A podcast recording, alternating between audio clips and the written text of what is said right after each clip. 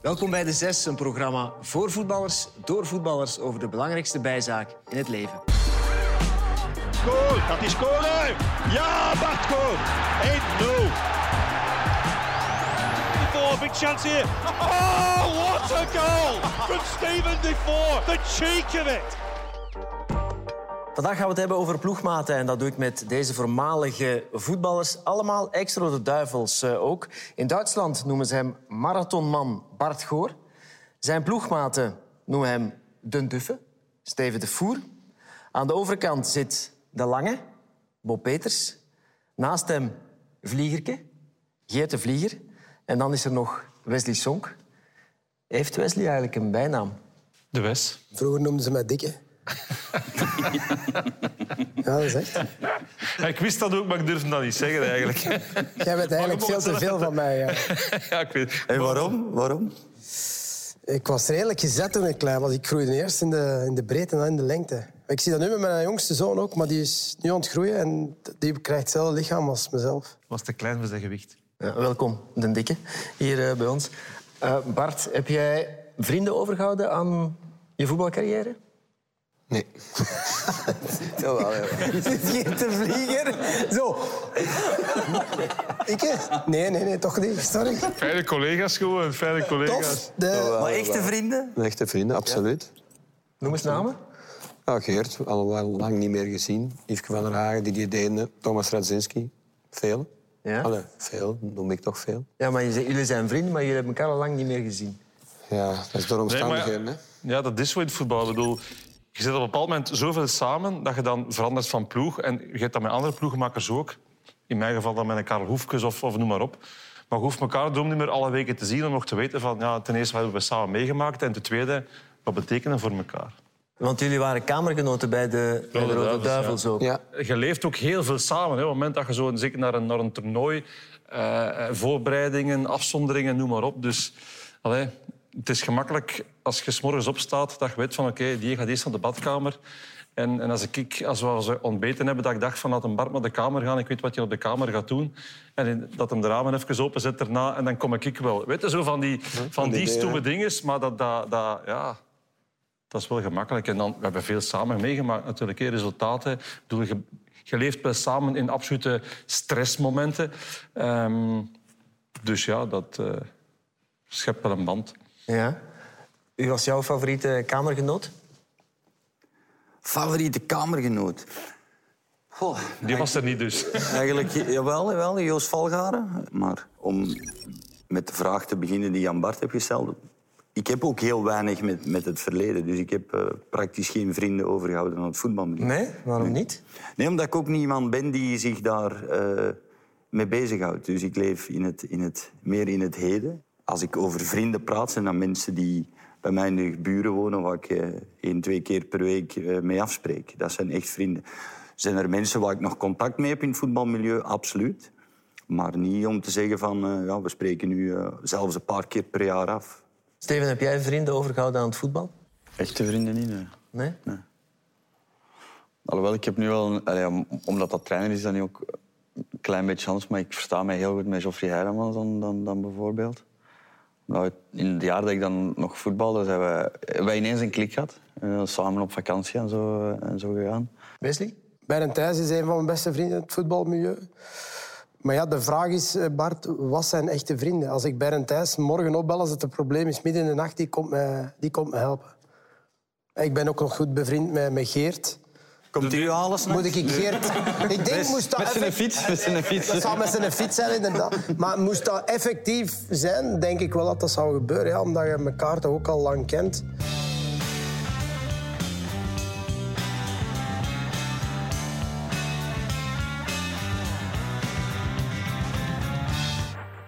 De vraag is ook, wat is de definitie van een goede Ja, vriend? wat is dat? We moeten elkaar daarvoor heel veel zien. Ik denk ook dat, dat vrienden is ook een band die je gesmeed hebt samen omdat je heel veel meegemaakt hebt. Dat heeft vaak met clubs te maken. Je zit bij, bij die club is dat met die speler, maar dan verhuis je en jij gaat naar een club, een andere speler gaat naar een club en dan echte vriendschappen blijven daar niet van over, maar je hebt wel zoiets van... Soms is die afstand ook veel te groot. Hè. Soms gaat... Bijvoorbeeld Bernd heeft drie jaar trainer geweest met, met Besnikazi in Saudi-Arabië. Dat is een... Je kunt niet zeggen, ga even naar daar en eh, we spreken af. Dat gaat niet. Dus inderdaad, eh, afstand is, is soms... Of wisselen van een, van een elftal. Hetgeen dat wij nu met elkaar hebben, bijvoorbeeld, dat heeft uiteindelijk ook niks meer met voetbal te maken.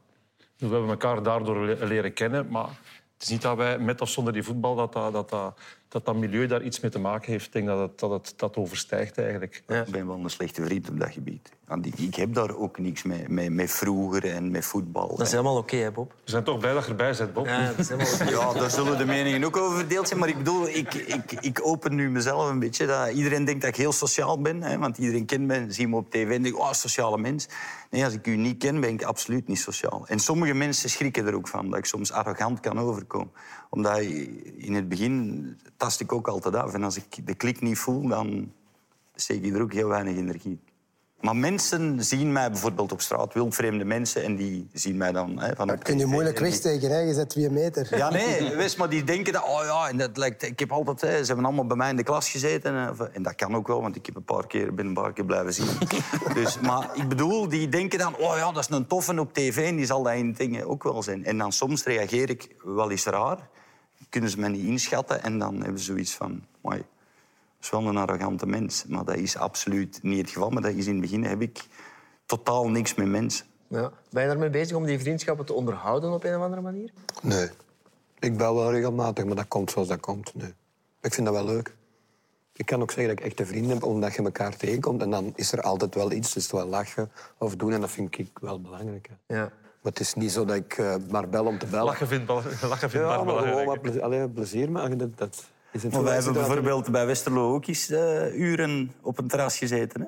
Kwamen elkaar na zoveel jaar tegen. Hij is ook altijd leuk. En dan tot een duur, eh, Bart is ook, zoals ze bij ons zeggen, een plakijzer. En ik ook. En Is Bart een plakker, mannen? we hebben ook nee. eh, uren daar gezeten en is dat ook wel leuk. dat is ook zo. Maar dan is niet dat we elkaar een dag daarna terugbellen. Nee, maar wij, hebben al een andere band. hè. Bart, Bart, is de plak, Bart is de plak zelf. Ik kan moeilijk naar huis gaan. Dat is toch dat is proper gezegd eigenlijk. Zeer goed gezegd. Als op stap gaan naar een soort teambuilding? Sowieso, denk ik wel. Ja. Omdat toch dikwijls was met, met ploeggenoten. Dus, eh. Maar ja, wij komen van een andere generatie. Wij spe- merendeel van onze carrière speelt zich af in België. Hè. Ja, in Porto bijvoorbeeld, mocht je, was dat not done. Dan hebben we dus af en toe eens een feestje in iemand zijn huis gedaan. Maar eh, voor de rest was dat eigenlijk not done. In Engeland was dat dan, ja, maar Burnley was dan natuurlijk... had niet zoveel aandacht als Manchester City bijvoorbeeld op dat moment. Met Burnley heb ik, heb ik een paar legendarische avonden gehad. Dat je dacht van, eh wow. Ja. En dan, als ik dan denk van, moest dat in België gebeuren bijvoorbeeld, dan stonden die kranten vol van wat zijn die allemaal aan het doen. Christmas party. Christmas, ja, de, de beruchte, de beruchte Christmas party. Fancy dress. Fancy Fancy, dress. fancy dress en van die toestanden. Hoe, hoe gaat zo'n zo'n zo'n avond, Christmas evening? Wel, in, in Burnley was dat één jaar. We zijn twee jaar naar Dublin geweest en één jaar moest ik dat organiseren in Brussel. Ehm, en het jaar in, in, in Brussel, ja, ik kende natuurlijk nog wel, wel veel mensen eh, in het nachtleven. Dus ik zei, ja, ik, ik kom met, met 25 man af. Ehm, de zaterdag komen we aan met, met de vlieger. We willen iets, iets, iets, iets drinken, op stap gaan. Gaat er weer al bij. Jij wordt Dat is er er niet weer bij, hè? We willen iets drinken, op stap gaan. En dan, dan, zegt die, dan zegt de kapitein ook van... We gaan pas naar huis als ik het zeg. Dat is gewoon drinken, drinken, drinken, drinken... totdat, totdat, die licht, uit, totdat het licht uitgaat. Hè. En, dan, en dan die zondag bijvoorbeeld. Het was kerstmarkt in Brussel. Maar dat was ook fancy dress. Dus iedereen moest dan een lettertje trekken. En met dat lettertje, die eerste letter... moest je je, ja, je carnavalspak aandoen dan eigenlijk. Hè, je fancy dress. En dan we hadden Joe Hart eh, in de dingen. En die had dan de D en die had dan Dinosaur. Dus die zat dan in het midden, in het centrum van Brussel, met, met een dinosaurpak. De mens was twee meter. Dan zit hij daar zo met, met, met dat hoofd. Dus- Ja, maar je ziet heel die kerstmarkt en iedereen is zo. Ik zeg, oh, als die mensen mij hier zien, dan heb ik het zelfs vlaggen en zo, met die foto's en zo. Niemand ons herkent. Dus jij hebt je ook moeten verkleden als je speler Nee. was in... Nee? Nee, we hadden Christmas party. maar Nee, was Bob niet- had geen met- vrienden, hè, Bart. Ja. Dat, was niet, dat waren collega's. Dat waren collega's. Maar het, het, een van de mooiste was niet de Christmas party. Want eh, het was op het einde van het seizoen. Dat was met Graham Stack. Misschien ook bekend. Keeper. van Beveren, die een Antwerp supporter eh, ja, had bijgewerkt. En maar, maar Stacky, we noemen die Stacky, die was, die was echt zo gek, eh, zo gek als een, een. Keepers, keepers, hè? En op een gegeven moment, we gingen dus ehm, in Londen, aan de London Bridge, gingen we in een café en ehm, waren we daar met heel de staf, eh materiaalman, et cetera. En Stakkie had het spelletje uitgevonden, dus die had eh, een bokshandschoen mee. Eh, maar hij had niet aan iedereen de regels uitgelegd. En het, het spel was, dus er mocht er ene, die kreeg een bokshandschoen aan, die werd aangeduid. En het spel was, als iemand dronk met zijn rechterhand van zijn pint, mocht je met die bokshandschoenen in zijn gezicht slaan. Er waren erbij die dat niet wisten. Dus op een gegeven moment kwam de, de materiaalman binnen, die mens was 70 jaar. en eh, dat was de putty. En eh, de mannen en de stekkie zegt tegen de putty, putty, ah, fancy a beer? Ja, give me a beer. Dus de putty die wil drinken. En er was een jonge Ier en die had die bokshandschoenen. die, die sloeg de putty gewoon knock-out. En Stakkie, ah... tot een duur kwam Dennis Wise, de manager, binnen. En die wist ook niet... En ook Dennis kreeg... eh Wise kreeg ook een pint. En er was een Ier, maar die mocht me dan nooit spelen. En dat, dat klikte niet. En die had net die bokshandschoen aan. Dus de manager werd er ook op zijn kin gebokst. De gemoederen bij de Antwerp-aanhang raken verhit en de hooligans reageren hun woede af op doelman Stek van Beveren. De Ier is geen bange wezel. Zijn vuistwerk is nu treffend en geen enkele hooligan voelt nog de hoge nood om Stek verder aan te pakken. Als je dat in Engeland niet meegemaakt hebt, de, het, het binge drinken, hè, dat is een probleem, maar dat is ook binnen de club eigenlijk ja, gangbaar. Hè. Zelfs bij de medische staf, dokters, kines, dat is allemaal... Ik had dat een dag voor een match. Dat was echt voor mij een shock. Ik ging naar Gladbach en was mijn dik advocaat nog. En die waren gewoon halve liters aan het drinken, een dag voor een match. Ik dacht, maar wat is dat hier voor iets? Maar in Engeland ook niet voor de match. Hè. Was meer, eh, Een dag na voor de een match, de vrijdagavond, zo, wij gingen op afzondering en dan dronk die een halve liter. Maar ja, dat staat erop. Dan dacht ik, dacht dat... En weet je wat het strafste van al was? Weet je wat erachter ging? Een dokter. Dus een dokter van ons ploeg die ging die halve liter zo. Hey, dat is net zoals hoeveel gasten rookten er niet vroeger. Maar in. Duitsland sowieso, hè? Maar eh, ik, dat ik weet veel. goed, ik speelde in bij- In Duitsland, ja, sowieso. Onder de rust, al die Duits, veel Duitse spelers rookten. Onder de rust. Ja. In Anderlecht lag er een vaste pakje sigaretten in de filter van de, van de verluchting. En dat was als we de mannen tegen hey, dat pakje is leeg. Eigenlijk op toer moesten ze dat... Ja, toen, En wie toen- was dat dan? Wie, wie- De, de Limburgse connectie, die, daar waren een paar rokers bij. Ja. Ja, en nu recent in de Premier League ook nog, of niet? In de Premier League eigenlijk weinig. meer snoes, hè, eh, meer snoes, ja. ja. Ja. Dingen ook- die onder de lippen... Ja, onder die lippen. Ik heb dat ene keer, Ik ken eh, dat één niet gedaan. Ja. Ik heb dat ene keer gedaan, ik ben aan een stokje gegaan. Eh. Maar in Engeland zijn er zelfs voetballers die gebruiken er dan twee en die voetballen er ook mee. Tijdens de match zie ik die zo ineens hè, dat uitdoen en dan tijdens de rust twee er twee bij steken. En ik denk van... Is dat tegen de stress ook? Of? Ja, Ja, dat je wordt daar rustig, die mannen worden daar rustig van. Ik zeg, allee, ik ben er bijna van mijn stokje gegaan. Ik zie die mannen dat innemen zo voor de match. Maar het hangt er natuurlijk vanaf welk eh ding. Ja, maar die hadden die sterke. Hè? Die, die Siberia, dat die is... hele eh, als- sterke. Als, je daar twee van steekt, dan... Ik dacht, eh amai. Maar ja, daarmee voetballen. Ja, daarmee voetbal echt. Hè? Want soms op het veld zitten ze dan liggen. Hè? Nou, hoe belangrijk is een goede sfeer om resultaten te halen? Allerbelangrijkste. Dat was ook wel met die, bij die Christmas parties. De coach die wist dat dan. Hè? Die zegt van ja, kijk jongens, twee dagen, doe wat dat je wilt. Maandag om half twee op dat trainingsveld. En dan, het gaat niet zwaar zijn, zegt hij. Maar je moet op dat veld staan. Diegene die niet op dat veld staat, 15.000 pond boete was dat, was dat toen. Maar ja, wij komen natuurlijk op die vlieger. De helft zit daar te kotsen. Maar dan toch tegen elkaar te zeggen, ja, kom aan, jongen. En dan niet laten zien aan een trainer dat er een half zieken op dat, op dat trainingsveld staat. Kom aan, kom aan. Dan zit u rechts van, zit, moet er een kotsen op dat veld, is het ook 15.000 pond boete. Oké. Dus dat was echt zo... En dan, ja, dan let je op elkaar op en dan, dan heb je elkaar eh, in de hand en dan probeert je dat allemaal zo, zo goed en zo... En iedereen stond er wel. En iedereen stond er, Ja. we hielpen elkaar. Hè. En, en dat is ook zoiets, hè. we hielpen elkaar om, om op dat trainingsveld te komen. Hè. En dan is van, ja, kom. Dat heb je, heb je in Engeland wel. Hè. Die Ja, dat mannen die gaan, maar die, die zorgen wel voor elkaar. Hè. En ze staan er altijd. Bedoel, Ja, Maar ze zeggen wel, je moet meegaan. Je moet meegaan. Ja. Dat is de enigste voorwaarde dat ze stellen, dat je, dat je in die groep geaccepteerd wordt. Je moet meegaan. Dat is van elke tijd, hè. dat was vroeger bij ons ook. Hè. Ik herinner me eens, we zijn eens op Anderlecht als een feestje en we waren met een paar man blijven hangen. En jij wordt erbij. Dat kan Hij, niet. hij is er ook wel altijd bij. Ik was er ook bij. En ehm, het zondags waren het matchjes. Ja, en we hadden een eentje gehad, dus we wisten iedereen was ofwel na het eten naar huis gegaan. En ja, aan ons konden ze zien, we hadden nog een goed feest gevierd. En ze gingen matchjes spelen, dus we hadden ook effectief gevraagd wij gaan samen in een ploegje staan. Maar echt voor de dood. Voor de dood. Matchjes gespeeld, niks afgegeven. En elkaar onder, onder mekaars voeten geven om toch en die matchjes winnen dan. Hè. Ik bedoel, dat schept ook een band. Maar die namiddag zijn er wel slecht aan. hè. Maar dan ja, trekt je naar bed. Hè, ja. Wat je nu allemaal vertelt, ik denk daar net aan, dat is eigenlijk ploegen waar dat je het altijd goed mee gedaan hebt. Ondanks dat je nu van onder staat, of in het midden of van boven. Want ik kan me nog herinneren met Genk. dat wij ooit in Hasselt eh, zaten jullie met Vitesse, met Koeman in een, in een café. Moet ik mij recht zetten. Nee, nee, nee. nee geen- maar wij hebben, wij hebben toen... We waren Heel ons rekening leeg dronken. Want alles op ons rekening inderdaad. gezet. Dus Sonky de Slimme, er waren nog een paar. Wij dronken een hele avond en zeiden, nou, zet me op de rekening van Vitesse. Koeman had 50.000 toen nog Belgische frank bij. Hè, voor, voor te betalen. Ja. En Koeman was daarbij, hè. die zat in het tuurlijk, café. ja. Dus, zei, dus wij...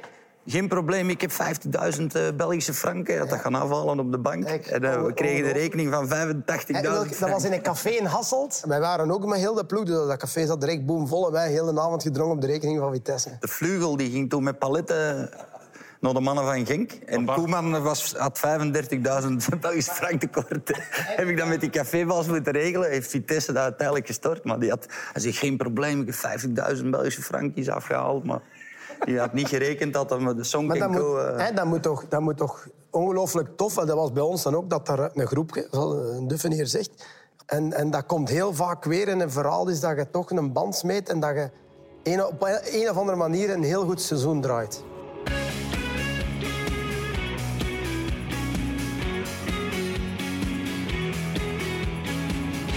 Jullie zijn allemaal ex-Rode Duivels. Er was de taalbarrière soms bij de Rode Duivels. Heeft dat soms voor problemen gezorgd of zo? Nee, ik, denk, ik denk eigenlijk dat dat bij onze generatie dan een beetje stilgevallen is. Want er is, is wel zo heel lang een item geweest van Vlamingen, Walen. En ik moet zeggen, de, de absolute verdiensten... en we hebben het er al over gehad, over Robert Wassage... die hij toen gehad heeft naar het WK 2002... is dat hij daar een, een groep samengesteld heeft die eigenlijk... Allee, we zijn zes, acht weken weg geweest. Die had bij wijze van spreken twintig weken kunnen wegblijven. Ja, maar bij ons is dat eigenlijk vooral door de, door de pers gekomen. hè. Aan tafel is er nooit echt een probleem. Het is gewoon dat de Vlamingen waren harde werkers en die moesten het hebben van, van, van werken. En dan de Walen waren dan zo wat meer techniek, meer zo... Cliché. Voilà, het, het, het, het cliché. Maar wel hè. talenten, maar wel de Maar- talenten. Maar, wel, maar wel het talent. En dan, ja, soms, maar dat ging eigenlijk over, over, over puur voetballistisch. Van, gelijk, gelijk in de voetbal, die jongens met talent trainen minder. Die jongens die minder talent hebben, die trainen, die trainen heel veel. En dan werd dat zo, maar dat werd door de pers uitgespeeld. Dat was een Nederlands-Franstalig probleem. Maar dat was eigenlijk totaal niet het geval.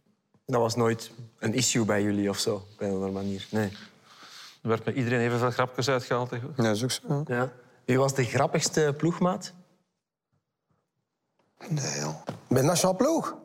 Ah, kom aan, joh. Jij bent toch de practical joker van... eh ja, toch... Af en toe, maar niet Ja, altijd. de, uw verhaal eh, met Wassage op 2K is toch... Het is eigenlijk een slecht voorbeeld, want het heeft eigenlijk niks met, met grapjes Nee, te nee. was serieus. Ik was maar- toen Hij serieus. was, hij was eigenlijk Ja, een serieus. eigenlijk, maar, maar dat, is, dat, dat is wat ik net wil naartoe gaan, is dat je bij Bart eigenlijk nooit wist of dat voor te, soms voor te lachen of... eh, Het was of altijd voor te lachen bij de Ja, dat was Ja, maar dus... goed verhaal. Wel, op een gegeven moment, wij, wij deden heel veel fysiek. Hè. Echt, hè, het was erover. En dat was lopen, springen op die, op die Zweedse banken nog. Eh, op een gegeven moment uh, was zo'n bespreking en ja, ik durfde sowieso al niet veel te zeggen. Eh, ja, ik dacht, ik kan het niet. Op een gegeven moment zegt eh, Robert, we gaan met de mensen, is er niet meer. En die zegt, wil er iemand nog iets zeggen? De Bart is... is zouden we dan nu eens wat meer met een bal kunnen trainen? maar ja, Nee, ik bedoel, dat was waarschijnlijk ge- gemeen, maar ik dacht, daar zit ook een soort, soort humor in. Nee, toch niet. Maar man, die kreeg daar zijn... Ja, dat had hem niet zo graag. Je kreeg de volle laag wat? En Wat zei, wat zei je toen? Hij zei, ik? ik? Nee, wat zei, hij, zei- hij zei zo, en wie zijt jij? Zijt jij trainer? En, Ja. ja. op, zijn- op zijn manier ook. Hij is ook zo. Hè. Wij kenden hem ook zo. Hè. Hij heeft, hij heeft ooit eens... eh, we gingen op buitenspel spelen, weet je nog, tegen Met Dolly. En met Dolly. Dolly. Met Dolly. En we moesten op een gegeven moment... Hij- Dolly, Ja, ik ga het verhaal Dolly, direct hè. vertellen, maar Ja, hij... ja, oké, ja. Ik denk dat de Bleker toen kwam praten over het buitenspel. was de Maar de Geert Bleker. had gezegd van... Ja, maar zouden we dat nu wel doen? Zouden we wel doen op buitenspel, want dat is toch gevaarlijk. En wie zit jij? En in Holland... Maar dat was, dat was het, het moment dat die buitenspelregel veranderde. Vroeger, als je allemaal vooruit liep en er stond maar iemand buiten, in buitenspel, was dat buitenspel. Uiteindelijk zei de, zei de Blekenen hetzelfde. Van, Ja, ik zou dat niet doen tegen Ja. Schotland. Hè, want dat was een thuiswedstrijd. We moesten die winnen toen. Hè, voor, voor eh, nog in aanmerking te komen voor het WK. En we, we gingen op de Heizel eh, trainen. En Erik was de libero. En elke Erik van Meijer, hè? En Erik moest zijn ploeg. En het eh, codewoord was Dolly. Dolly, ja. Maar, dus je moet voorstellen, elke lange bal dan moest Erik roepen Dolly. En als een Dolly moest iedereen daarvoor. Maar ik had dan zoiets en ik zei ook tegen... Ik durfde dat ook niet tegen wat zij te zeggen. Ik zeg tegen Erik, als je nu gewoon zegt vooruit... Er is toch niet een schot? Dan, dan begrijp dat je, hè, dat je vooruit... Hè? Als je gewoon zegt vooruit op zijn Antwerps... Er is geen ene schot die je weet wat dat is. Dus, allee Erik, eh, jij moet roepen. eh, En, eh, en Erik, de lange ballen. Dolly. Erik, ik hoor u niet. Erik... Dolly! Tot een deur. Dolly! En iedereen... Oh, we lagen kapot van het lachen. En de Erik die was echt gegeneerd. allee, gespeeld tegen Schotland. En uiteindelijk hebben we die op buitenspel Ah nee, dat was, dat was de ding. De clue was, dus op een gegeven moment trainden we dat. En, en de, de- Erik de Vlaanderen, dat weet ik nog heel goed, die speelde rechts een bak en die was vergeten mee te lopen. En we Ja, speelden partijken. En de tegenstander ehm, maakte een goal op die fase. Dolly direct afgeschaft. Ja, het was afgeschreven. Sander had niet gedaan. 22 spelers hebben niet genoeg aan de zon als opwarming, maar leveren zich over aan de oefeningen van physical coach Michel Bertin-Champ. Het is niet de eerste keer dat een speler eh, oud eh, de maandag eh, is en eh, dat de dinsdag is zo fris als een eh, konijn op de plein. Hè.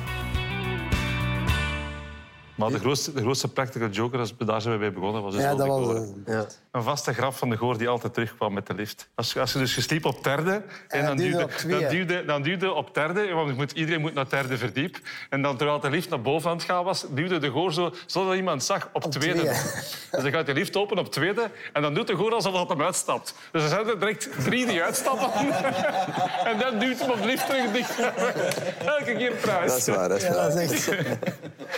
Je moest zo opletten. Als je dus met de goor aan tafel zat, dan durfde ook nooit het... Nu nog, als ik met als ik, mes- als ik ga eten, ik pak het zout vast, pak ik volledig vast. Dat ik weet van, dat topje kan daar niet af, want hij heeft het zeker losgedraaid. hè. Alles, alles. Wij op de club zijn draaiers nu, dus dat gaat niet Ja, meer. ja, dat gaat Of niet. zout, zout in je, in uw water doen. eh, Echt, dat je denkt, en dan zo roeren met boter aan je messen. Maar het was wel een vaste afspraak bij ons op de kamer van kijk, Goor, een keer dat we die klink open doen en binnengaan, Is het gedaan. Want ja, als ik op de kamer ook nog een keer elke keer constant, dat overleefde niet. dus dat was wel de vaste afspraak. En hij hield zich eraan ook. Wat? Hij hield zich eraan. eraan ook, ja. Ja. De meeste voetballers zijn bijgelovig. Bart, was jij bijgelovig? Nee. Totaal niet. Nee. Ploegmaatschap die De bijgelovig ergste waren? die ik gehad heb is Gabor Kirali in Berlijn, keeper, met zijn joggingbroek. Aan. Die was ongelooflijk bijgelovig. Ja? Dus die had een oud minicoupje, zo. dus die parkeerde altijd op dezelfde plaats. Op een gegeven moment een nieuwe speler parkeerde op dat plaatsje. Die komt aangereden, die stapt uit, pakt zijn sleutels, rond in zijn auto. Nee. Echt waar. Pakt altijd een derde douche van links. Altijd overal die kwam. Theorie, grote zaal, kleine zaal, zetten zich altijd van achter links in de hoek. Die mens was ongelooflijk bijgelovig. Oké. Hoe, hoe is dat dan begonnen met die broek? Want Dat dat heeft hij waarschijnlijk ooit één keer Die aangehad. heeft dat ene keer aangehad, blijkbaar ergens. En dan is dat dan is gewonnen en zo is hij dat blijven doen. Die, kon ook, die mens kan een, of die keeper die kan een bal uitwerpen op de lat. En die, dat deed hij soms op training. Dat hij zei, die werpt naar daar, die werpt op de deklat. kwam die, die voeten van die speler terecht. Die is gewoon, die was ja, Een echte keeper. dus. een echte keeper. Maar wel een schitterende gast. Was jij bijgelovig, Bob?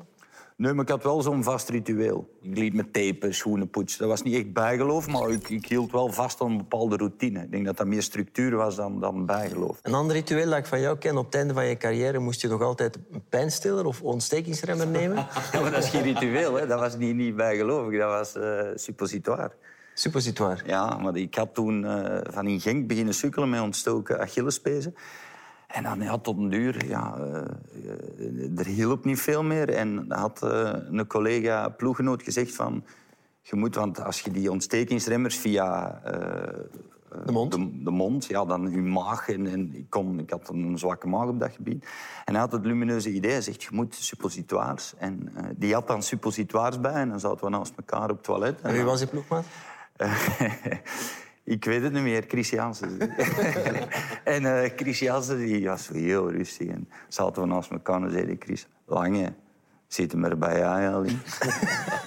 en zo heb ik wel nog, ja, wel een aantal wedstrijden gespeeld. Maar tot een duur, ja, dat, dat hielp ook niet. Hè. Dat waren pijnstillers. Maar, maar de Chris had dan, die kon u wel overtuigen. Maar die, die, de manier waarop dat die dat zei, was altijd wel... eh, Samen een suppositoire steken voor de match. samen naast elkaar.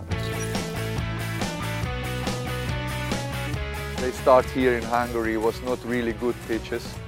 and I have to take long uh, pants. We got the black and we got the uh, gray tracksuit. And one time the wash machine was kaput and I take the, these gray bottoms And after eight games, we're not losing. I said maybe bring luck. And I still play uh, with these gray bottoms in Germany as well and in England as well. Hadden jullie ploegmaats die slecht tegen hun verlies konden? Ik had Conceição en Sapinto. Oeh. Die, ehm, die konden heel slecht tegen hun verlies. Ja? Als je dan in een van hun ploegjes stond, dan... eh, Dus ook op training? Op training, ja. En dan de trainer die wist het dan natuurlijk. Die zette die twee in een apart ploegje.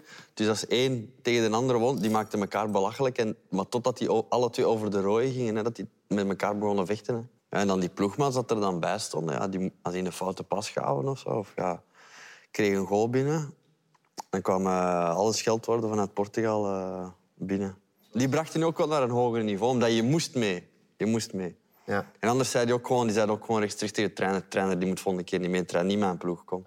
Hebben jullie dat echt zelf meegemaakt ook, eh, binnen jullie groep? Dat er ja, tot bijna gevochten werd op training? Tja, het beste wat ik ooit heb gezien. Het beste. Je moet zeggen, het ergste. Het ergste. De beste qua versen? nee, ehm, de dag voor de wedstrijd, wij moesten naar Westerlo. Ehm Mohamed Sar, eh, centrale verdediger. Ehm, Beer, hè? We moesten op het veld om tien uur. Om tien uur begint de training en het was al negen uur. 59 en Conceição zegt al tegen, tegen Mohamed Sar. Allee, Beckenbauer. Allee, haast je wat. En hij zegt, oh, het is goed. Een dag daarna hotel, Westerlo. Wie komt er drie minuten te laat voor te komen eten? Mohamed Sar. En Conceição maakt die opmerking. Hey, Beckenbauer, hoe zit het? Jij mag altijd te laat komen, of wat? Ja. De ene pakt een mes, de andere pakt een, eh, een glas. En die smijt aan. De andere komt met zijn mes en wil ja, en iedereen vliegt daartussen natuurlijk. Oniewo vliegt daartussen, Fritsje de Pre vliegt daartussen om, om alles, eh, om alles eh, te kalmeren en zo van die toestanden. Hè. Het is eigenlijk de voorloper of de aanleiding geweest om meer en meer gesloten trainingen eh, eh, te organiseren. Ja. Want er, is, er kwam dan zo'n moment dat elk akkefietje, dat er ook wel ja, een fotograaf op training stond die dat dan toevallig ja, op, op de lens vastgelegd had. Of, of de journalisten die hier aan de training kwamen kijken en dat gezien hadden. Dat werd dan op een bepaald moment elke keer heel breed uitgesmeten. Dat werd dan nog een groter verhaal.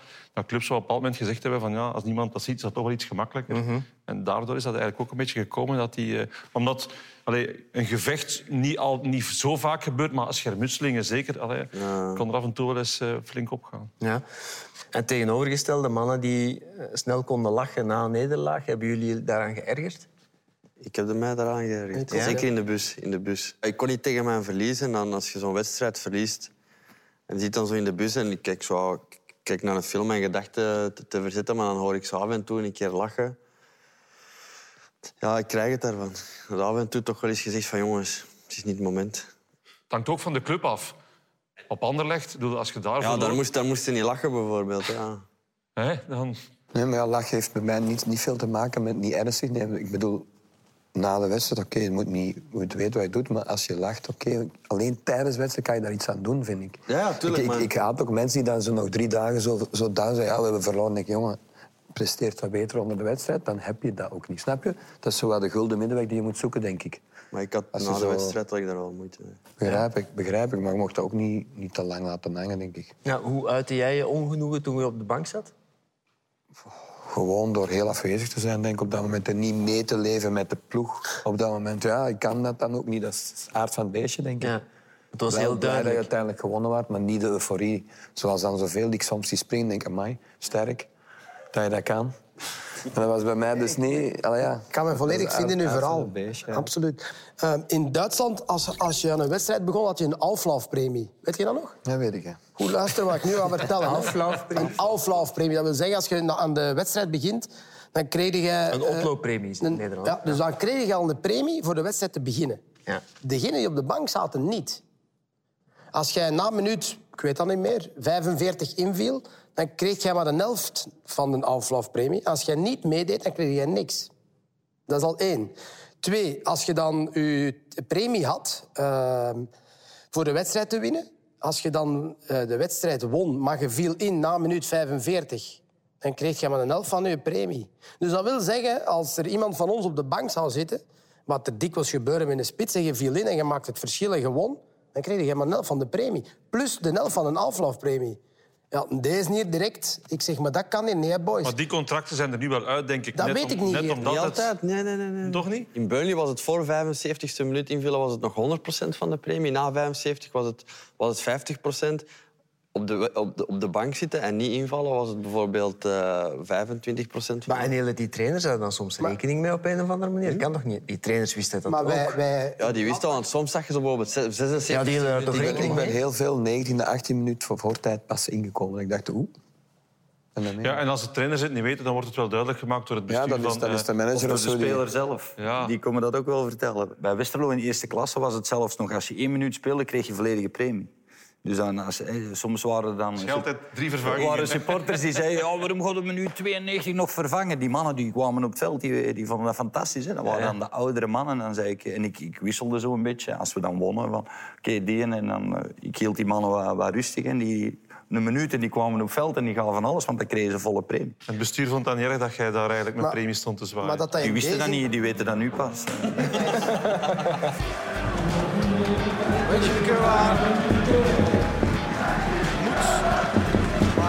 De met nog eh, 9 minuten te gaan. Wensje de Keulaar, de maker van de eerste goal voor Westerlo naar de kant gehaald. Daar is eh, Julien Verkouteren. Kreeg eh, een minuut of 8, 9 vorige week. Nog één minuut te spelen. Wissel komt van iemand die daarvan aan de andere kant moet komen. Jarno Molenbergsen. Hij mag nog een tijdrovende vervanging meemaken. Nog een halve minuut. Hebben jullie het met grote getalenteerde ploegmaat zien verkeerd lopen ooit? Mij de meest bekende is Anthony van den Borre. Ja. Die was zo goed. In de jeugd, die twee vingers in de neus. eh, die was echt qua talent, was, was dat de beste van het beste wat ik al had gezien. Maar in de jeugd in Anderlecht speelde hij nog in het middenveld. En, en, en- maar die was, ja, die was zo goed. Eh, ja, gelijk Company eigenlijk, met nonchalance. Maar Company had dan nog die mentaliteit om, om echt altijd de beste te willen zijn. En Anthony had zo een, een heel groot je m'en gehalte. En die voetbalde echt gewoon voor zijn plezier, voor zijn goesting. Dat, dat was het gewoon. Maar die, had, ja, die kon alles. Die kon echt alles. Als ik één voorbeeld mag aan, Dirk Huismans misschien, was qua talent eh, ja, misschien het beste waar ik ooit mee gevoetbald heb. Echt? Ja, maar die heeft dan door omstandigheden niet het maximaal uit zijn carrière. Dat was in de tijd was dan eh, Italië het, het mekka van, van, van, van de voetbal. Die had altijd eh, in Italië moeten spelen. Die had altijd eh 50 interlands moeten hebben. Ik vind het altijd een beetje raar als, als over zo'n jongens gepraat wordt alsof ze hadden het talent om het te maken. Ze hadden het talent niet, hè. Ik bedoel, wij hadden het talent in de zin van... als je een goede carrière wilt maken, moet je en voetballend talent hebben... maar moet je ook de kwaliteiten hebben om dat talent te benutten en daarmee om te gaan. Dat is hard, hè, Geert? Ja, dat is hard, maar dat is wel de realiteit. Ik bedoel, alle, alle toptalenten die ik in de jeugd tegengekomen ben... de techniektalenten, ja, die het niet gehaald hebben, dat komt alleen maar daardoor. Op een bepaald moment moeten met de druk leren omgaan. Ja, dat is het mentale dan. ja, voilà. En Ja. Dat, dat wordt blijkbaar nog altijd onderschat. Maar dat is wat je absoluut ook nodig hebt om een, om een carrière te maken. Om naar het buitenland te gaan, om international te zijn. Dus je hoeft niet de beste techniek te hebben of de beste lange pas te hebben. Nee, je moet zorgen dat je, dat je en technische kwaliteit hebt, maar dat je inderdaad... Ja, maar dat is ook wat ontbrak bij Anthony van den Borre dan. Absoluut. Op een bepaald moment ja, kon hij zich mentaal... ehm, kon hij dat mentaal niet bolwerken om dat immense talent, allee, technisch talent dan... Ja, voilà. te- te Want er wordt dan gezegd, is daar een toptalent verloren gegaan? Nee, want er is geen één technisch talent dat zoveel kansen gekregen heeft als Anthony van den Borre. Ja. Er zijn honderden Anthony van den Borres geweest die na één keer vriendelijk bedankt werden en gezegd hebben van kijk jongen, het zit er toch Maar niet hij bleef de kansen krijgen omdat hij zo uitzonderlijk Ja, maar- goed was. Ik bedoel, het is er ook nooit uitgekomen, omdat hij nooit ja, die mentale kracht heeft gehad om een topcarrière uit te bouwen. Ja. Dus, maar is er voldoende aandacht ook voor het mentale bij? Ook bij topvoetballers zoals jullie? Ja, nu wel, hè. Nu Maar wordt toen- er... Nee, toen eh, nee. Nee, maar je moet, je moet ergens ook... ehm, topsport is, is alleen maar voor bepaalde mensen ook, die het ook mentaal ergens kunnen. En dan mag je nog veel met een psycholoog eh, praten. Als je dat niet in je hebt, gaat het er misschien ook niet, niet, altijd, eh, niet altijd uitkomen. Het is wel zo dat, dat, dat veel... Ik praat dan over profvoetballers die op een bepaald moment in hun carrière wel eens nood hebben gehad omdat die het moeilijk hadden op bepaalde momenten in hun carrière. Dat die dan hulp nodig hadden. Maar als jonge spelers het al moeilijk hebben om zeg maar, met druk om te gaan in, in, in jeugdwedstrijden en, of, of, of in de eerste ploeg komen en daar moeilijkheden mee hebben... Allee, iemand die niet kan shotten, daar kun je nooit geen goede voetballer van maken. Iemand die in zich niet de nodige mentale weerbaarheid heeft, ja, die kun je er ook niet in krijgen. Je kunt die wel proberen te verbeteren of iets sterker te maken door de begeleiding. Maar als het er niet in zit, als je bij mensen dat je denkt van ik, oei, ik stap hier het veld op en er zit 30.000 man en ik ga nooit kunnen presteren. Ja, als, dat, als, als je dat gevoel zelf niet ergens verwerkt krijgt, ja, dan, dan, dan is dat heel moeilijk. Ik heb dezelfde vraag. Wat is talent? Ik denk dat je van alle stukken iets moet hebben, want anders kun je je talent niet ontwikkelen. Daarom, eh, het is cliché, maar hard werken verslaat soms talent, als talent niet hard werkt. Dus je kunt snel zijn van jezelf en je kunt technisch heel goed zijn, maar als het, als het allemaal niet samenkomt in, in dat taartje of in dat pakketje... En hier, hier eh, vind ik wel wat een duffe zegt ook, en wat, denk, wat iedereen wel denkt, is het mentale, de weerbaarheid van... van nee, nee, jij krijgt mij niet klein.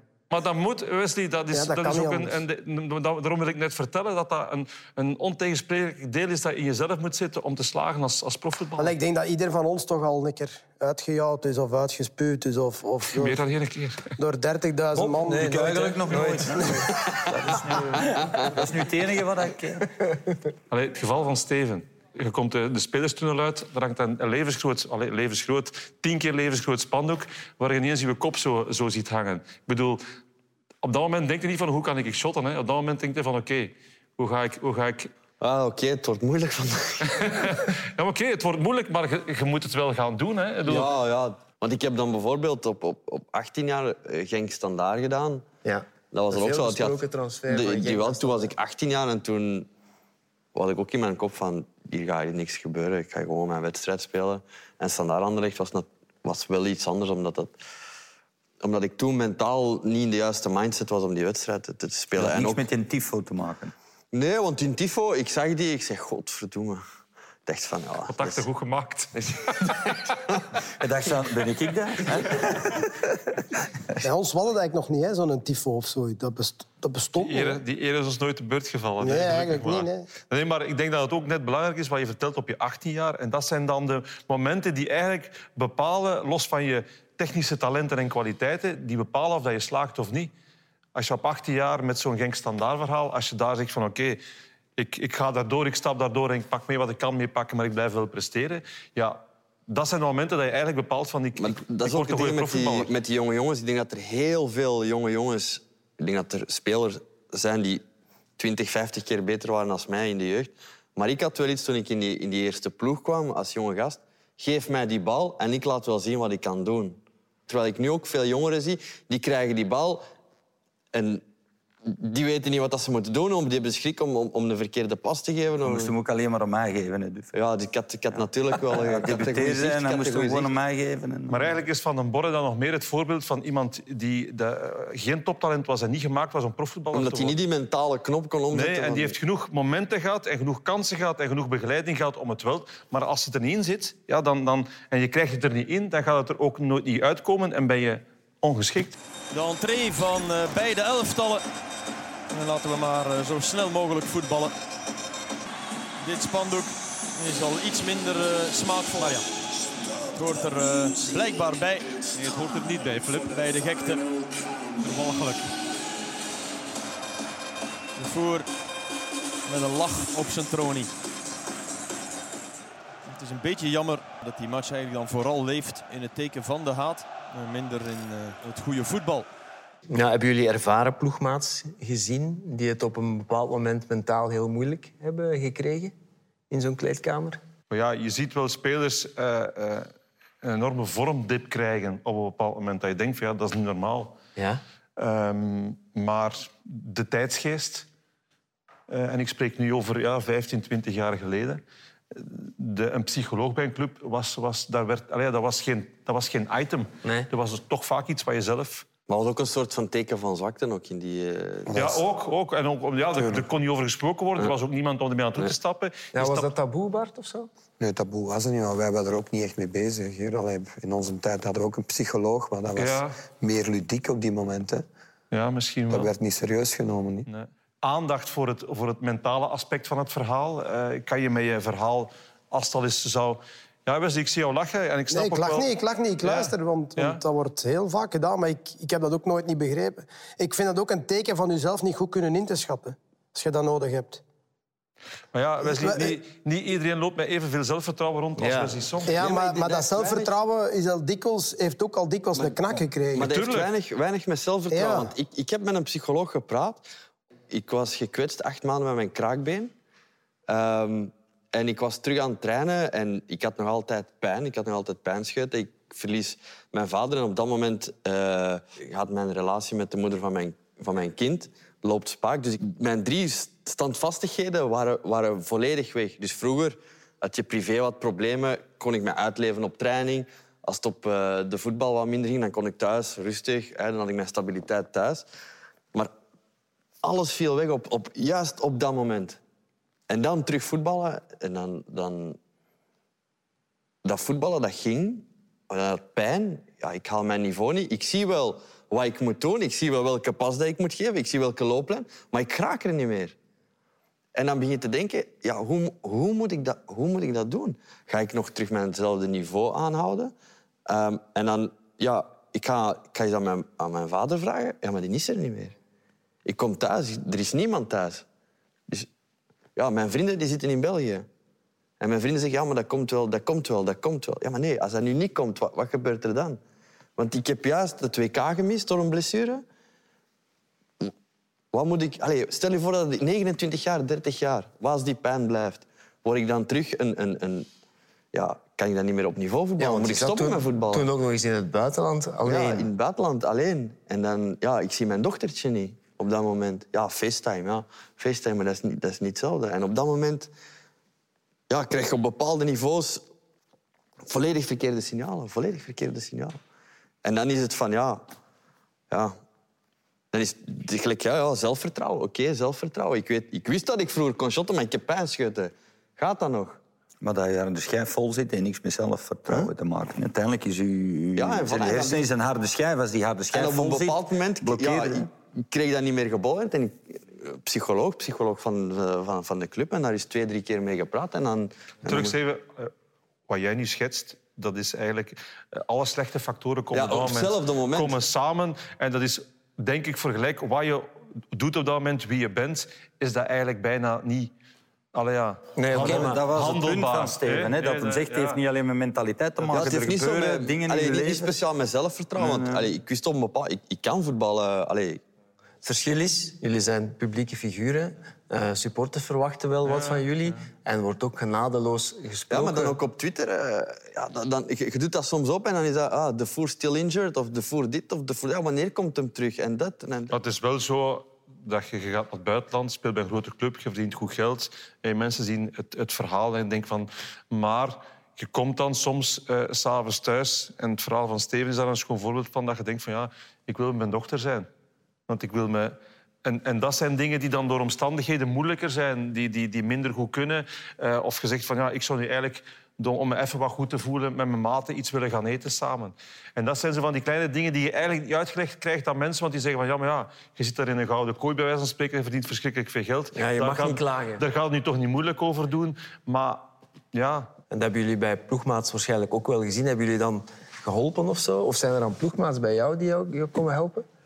Ja, maar omdat je daar straks... Het is een heel egoïstische wereld. Die, die praten wel en van ah, alles goed en, en dat komt goed, maar dat zijn geen woorden die mij, die, die, die mij konden helpen. Ja. Wat kan ik doen om... om uh, kunt jij ineens zorgen dat mijn knie veel beter gaat? Oké, dat het zal fantastisch zijn. Ja. Maar zo werkt Kunt jij zorgen dat mijn dochter hier elke dag staat? Ah, nee, nee dus ik kon ook niet zeggen, coach, ik ga na training even eh, naar België. Allee, elke dag naar België vliegen. Ah, dat, dat was ook geen optie of zo. Dus. Het is wel zo, voor mezelf, als ik van mezelf spreek, als ik na mijn buitenlandse avontuur terug naar België gekomen ben, hier nog een paar jaar gevoetbald heb, dat je wel meer begrip en eh, aandacht hebt voor buitenlandse spelers. Absoluut, ja. Absoluut ja. Dat is nu wat wij nu ook zeggen. Hè. Als in het begin een transfer van een of andere buitenlandse speler...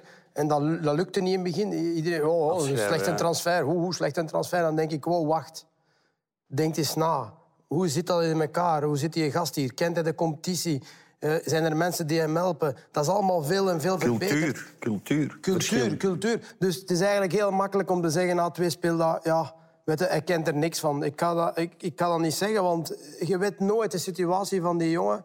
Eh, je weet nooit hoe dat die, hoe dat hij zich voelt. Eh, dus dat is een hele, hele belangrijke. En, en als je zelf in zijn plaats niet, maar in diezelfde situatie hebt gezeten, kan je dat wel eens beseffen van... Oké, oei, hoe moeilijk moet dat zijn als hij de taal niet spreekt? In het begin alleen de taal al, hè. Hè, Ik weet niet, hoe was uw Duits als je ging? Ik dacht goed. Nee, maar Ik dacht denk, dat omdat, ook. je, omdat je het verstaat, Ik dacht dat denk ook. je van mij, dat gaat weer vlot. Maar dan, als je een interview zo moet doen, besef je, Ja, ja, ja. oei, zo makkelijk is het niet. Ja, dat, dat is dat. Is dat, ja, dat is een paar niet weken door hem tegen een Nederlandse ploeggenoot bezig ja, maar dat, is, maar dat is waar. Hè. Je denkt ook, ja, Duits, dat trekt op. Hè. Dus Ja, dat- hij spijt zich, jongen, spijt zich. Maar dat spijt zich, dat bestaat niet. Ja, maar zo, zo ging dat. Maar, maar ehm, ja, dat is niet evident. Absoluut niet evident. En eh, eh, alle respect voor, voor, zeker voor jonge gasten die hier alleen zitten. En dan nog eens niet spelen. Ja, dat ook nog. Dat ook nog.